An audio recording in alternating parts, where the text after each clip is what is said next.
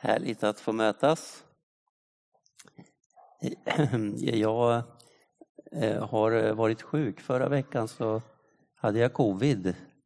Och ja, vi får ju alla lite lidanden, får ju uppleva lite då och då var och en av oss. Det var ingen upplevelse som man gärna vill vara med om många gånger. Ehm, men hur som helst, allt vårt lilla lidande är ju kanske inte så jättemycket om man jämför med vad Jesus gick igenom på korset.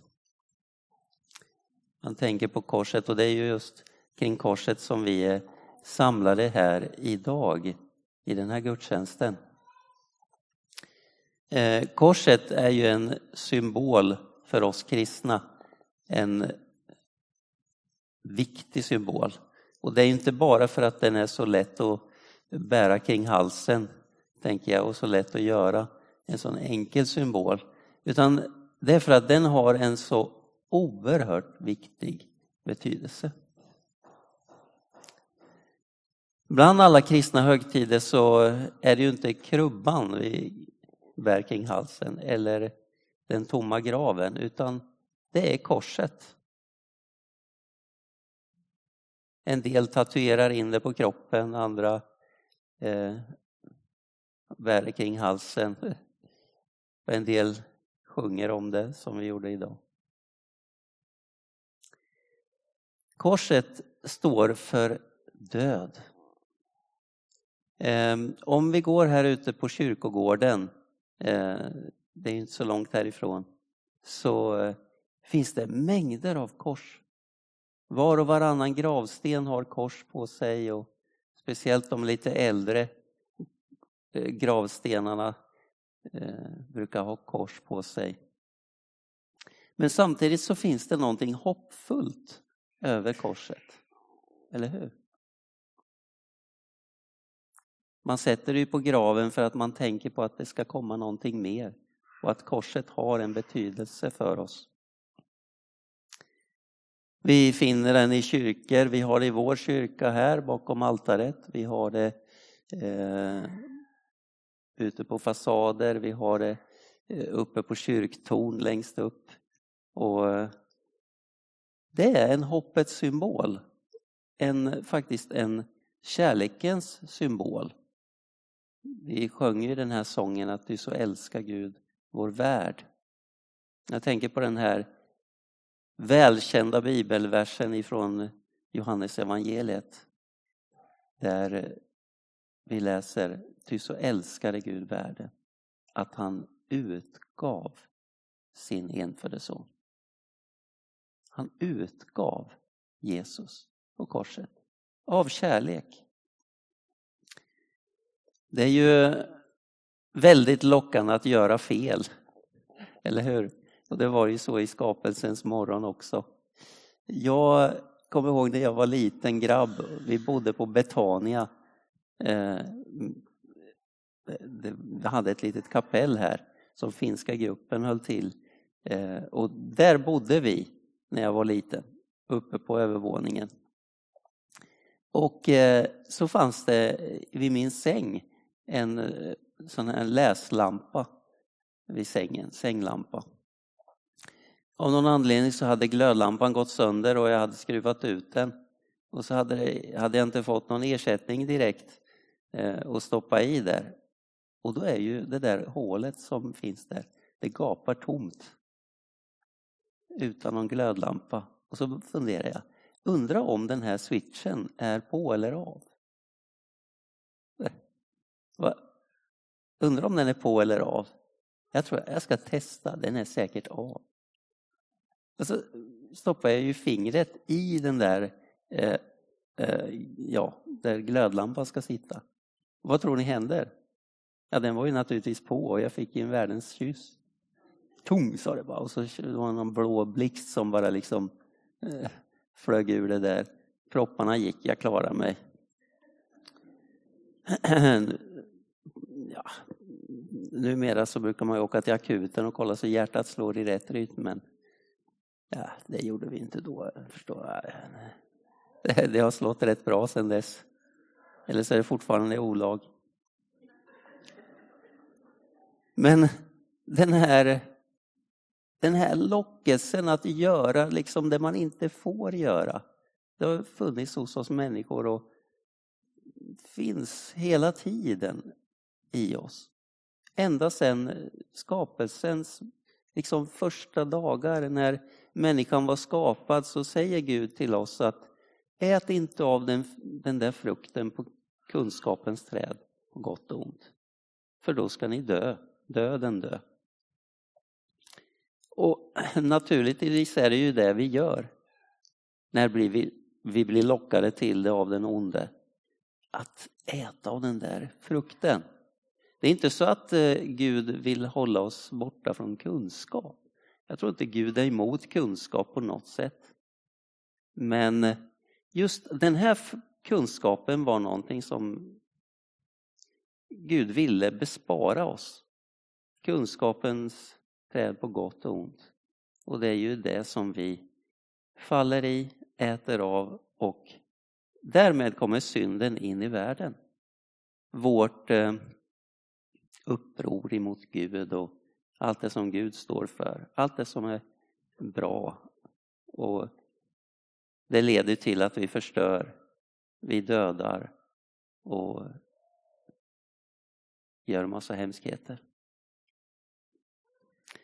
Man kan säga att synden blev som en, en slags en dödlig sjukdom som vi bär med oss, en, en smitta. Ett virus som liksom går i, i, i mänskligheten från släkte till släkte och, och leder till död. Synden. Vad har det här med korset att göra då? Och hur kan själva skaparen av livet självt i universum vilja välja att dö på ett kors? Jag tänker så här att ibland när man har gått riktigt vilse, man har gått riktigt långt bort i skogen vilse, ja då finns det ju ingen annan väg tillbaks än att vända om och, och liksom steg för steg gå tillbaks. Och på något sätt är det så som Jesus också gör på korset. Och eh, jag har tagit med en bibelvers som är från Romarbrevet. Där står det så här. David, du kan plocka fram den. Syndens lön är döden, men Guds gåva är evigt liv i Kristus Jesus, vår Herre. Syndens lön, det är ju, alltså vi förtjänar med våra gärningar och med allt som synden gör i våra liv. Det, det förtjänar döden.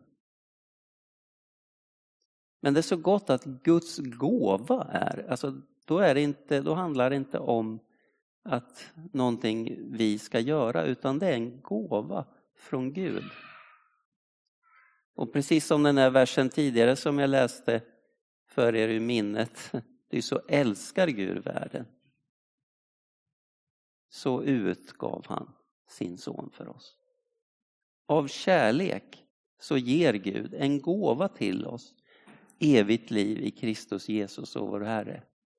Och om vi backar baklänges så kan vi ta nästa som jag skrev så här. Det är Jesus den evige. Guds gåva betalar vår skuld med sin död och raderar synden. Då han tar liksom oss bak, tillbaks hela vägen. Från, vi har gått fel och sen så backar han bandet och för oss tillbaks och raderar synden. Och jag har gjort en liten uppställning här som kanske kan eh, liksom ge som en liten, liten eh, eh, ja, förenkla det hela på något sätt. Allting centreras kring korset. Jesu kors, där han dog för oss. Och David, om du plockar fram, så Jesus, Kristus vår Herre, den evige, den som kom från det eviga, från himlen. Som en gåva från Gud till oss. Guds gåva. Inget vi har förtjänat och betalar vår skuld. Det som var lönen så att säga för döden. Det tar han och betalar med sin död och radera synd. Jag tycker det är så härligt att allting på något sätt vänder vid korset. Där Jesus betalar vår synd. Det som hände kring korset, det som vi redan har hört Linnea och Mattias läsa för oss, är ju, är ju så eh, fantastiskt. Det är också många olika åsikter som fanns kring korset. Om ni läste eller lyssnade när, när Linnea och Mattias läste så, så fanns det ju de som ja, påstod saker om Jesus och hade en åsikt om honom egentligen eh, men som inte egentligen var speciellt intresserade av att ta reda på sanningen. Det stod att de som gick förbi hånade honom och skakade på huvudet. Och så är det ju idag också. Det finns människor som hånar eh, den kristna tron och tycker, skakar på huvudet och tycker att nej, det är inte så mycket att göra med. Det är inte så intressant det där. Ja, det, det berör inte mig. Liksom. Så är det idag också. Och precis som kring korset. Sen finns det ju de som också vet sanningen. Alltså som eh, kan ana att det är någonting med den där Jesus. Som översteprästerna. Och det fanns faktiskt ett tillfälle som Nikodemus, den här, en av rådsherrarna, han var ju faktiskt en av dem. Nikodemus, han besökte Jesus om natten och hade ett samtal med Jesus och då säger han så här, vilket avslöjar lite grann av hur de ändå förstod bland de överste prästerna och Sanhedrinen då som var liksom deras typ riksdag. Ja, vi vet att du är från Gud och har kommit. Det var vad Nikodemus sa till Jesus. För ingen kan göra sådana under som du om inte Gud är med honom. Vi vet att det är från Gud du har kommit. Och då säger översteprästerna så här. På samma sätt förlöjligade översteprästerna och skriftlärde honom och sa till varandra. Andra har han frälst, sig själv kan han inte frälsa. Han är Messias, Israels kung. Till och med egentligen Jesu fiender vittnar om vad Jesus gjorde. Han har frälst andra, men sig själv kan han inte frälsa. Jag tror att det finns människor idag också som på något sätt vet och förstår att Jesus är sanningen. Men det är inte så lätt att böja sig för honom. Det är inte så lätt att ge sig hän åt honom. Sen finns ju de som vill se för att tro. Jag måste få något bevis för att tro. tro. Och det fanns ju även här, nu sa han, nu får han komma ner från korset så att vi får se det och tro. Om han nu skulle komma ner från korset, ja då kan vi se det. Då kan vi tro det. Det finns ju fortfarande de människorna idag som gärna vill ha bevis innan man kan tro. Sen finns de som inser sin egen synd och ber om nåd. Och det läser vi om i Lukas evangeliet med de här två rövarna som sitter eh, upp, ja, också uppspikade på kors bredvid Jesus. Och varav den ena då faktiskt eh, säger tänk på mig när du kommer i ditt rike. I den text som vi läste idag, det är från Markus. Jag är glad att vi läste just den texten, för i den står det att båda rövarna hånade honom. Jag vet inte om ni har tänkt på det, men varför det står så, att båda rövarna hånade honom. För i Lukas så står det ju att han tillrättavisar den andre Och så säger han, tänk på mig Jesus när du kommer i ditt rike. De, Jesus hängde ju ganska länge där på korset och jag tror att den här rövaren också är med och hånar Jesus. Men mitt i allt det här lidandet så vänder han om. Han inser att nej, Jesus, han är ju en rättfärdig man. Vi får vad vi har förtjänat. Men Jesus, tänk på mig när du kommer i ditt rike. Det finns tillfälle och möjlighet att vända om faktiskt. Även om du har förbannat Jesus eller varit en motståndare, hur du än har tänkt om Jesus, så finns det en väg för dig att vända om. Och att göra det som den rövaren gjorde. Tänk på mig Jesus när du kommer i ditt rike. Så fanns den romerske officeren där och han är min favorit här i den här berättelsen. För när han ser Jesus dö på det där oerhört dramatiska sättet så säger han han måste ha varit Guds son. Den mannen var verkligen Guds son. En fantastisk bekännelse om Jesus. Han var verkligen Guds son. Och här Markus han lyfter fram det här fantastiska i sitt evangelium när han, när han kommer till korset, berättelser om korset i evangeliet i Markus. Så här kommer den här stora bekännelsen som har varit som en hemlighet genom hela Markus evangeliet. Jag vet inte om ni har tänkt på det så är det som en hemlighet som hela tiden finns där i Markus evangeliet. Där Jesus egentligen aldrig nämns som Guds son. Det står i början, här börjar evangeliet om Jesus Kristus, Guds son. Sen är det väldigt tyst. Och när Jesus gör under så säger han, ni behöver inte berätta det här för någon. Ta det lugnt. Han håller det som en hemlighet ända fram till korset. Där står den här romerske officeren som inte ens var jude. Och han ser på Jesus och säger, han var verkligen Guds son. Läs Markus en gång till och tänk på hur det här hålls hemligt ända fram till korset. Det är inte så att Jesus, tror jag, höll det hemligt. Men Markus när han beskriver evangeliet, han vill lyfta fram korset. Det viktigaste i sitt evangelium, nämligen det här när Jesus dör på korset. Hur det där uppenbaras att Jesus är Guds son. Jesus, Guds son, hänger på korset, död för vår skull. Ty så älskar Gud världen så att han utgav sin egen son för oss.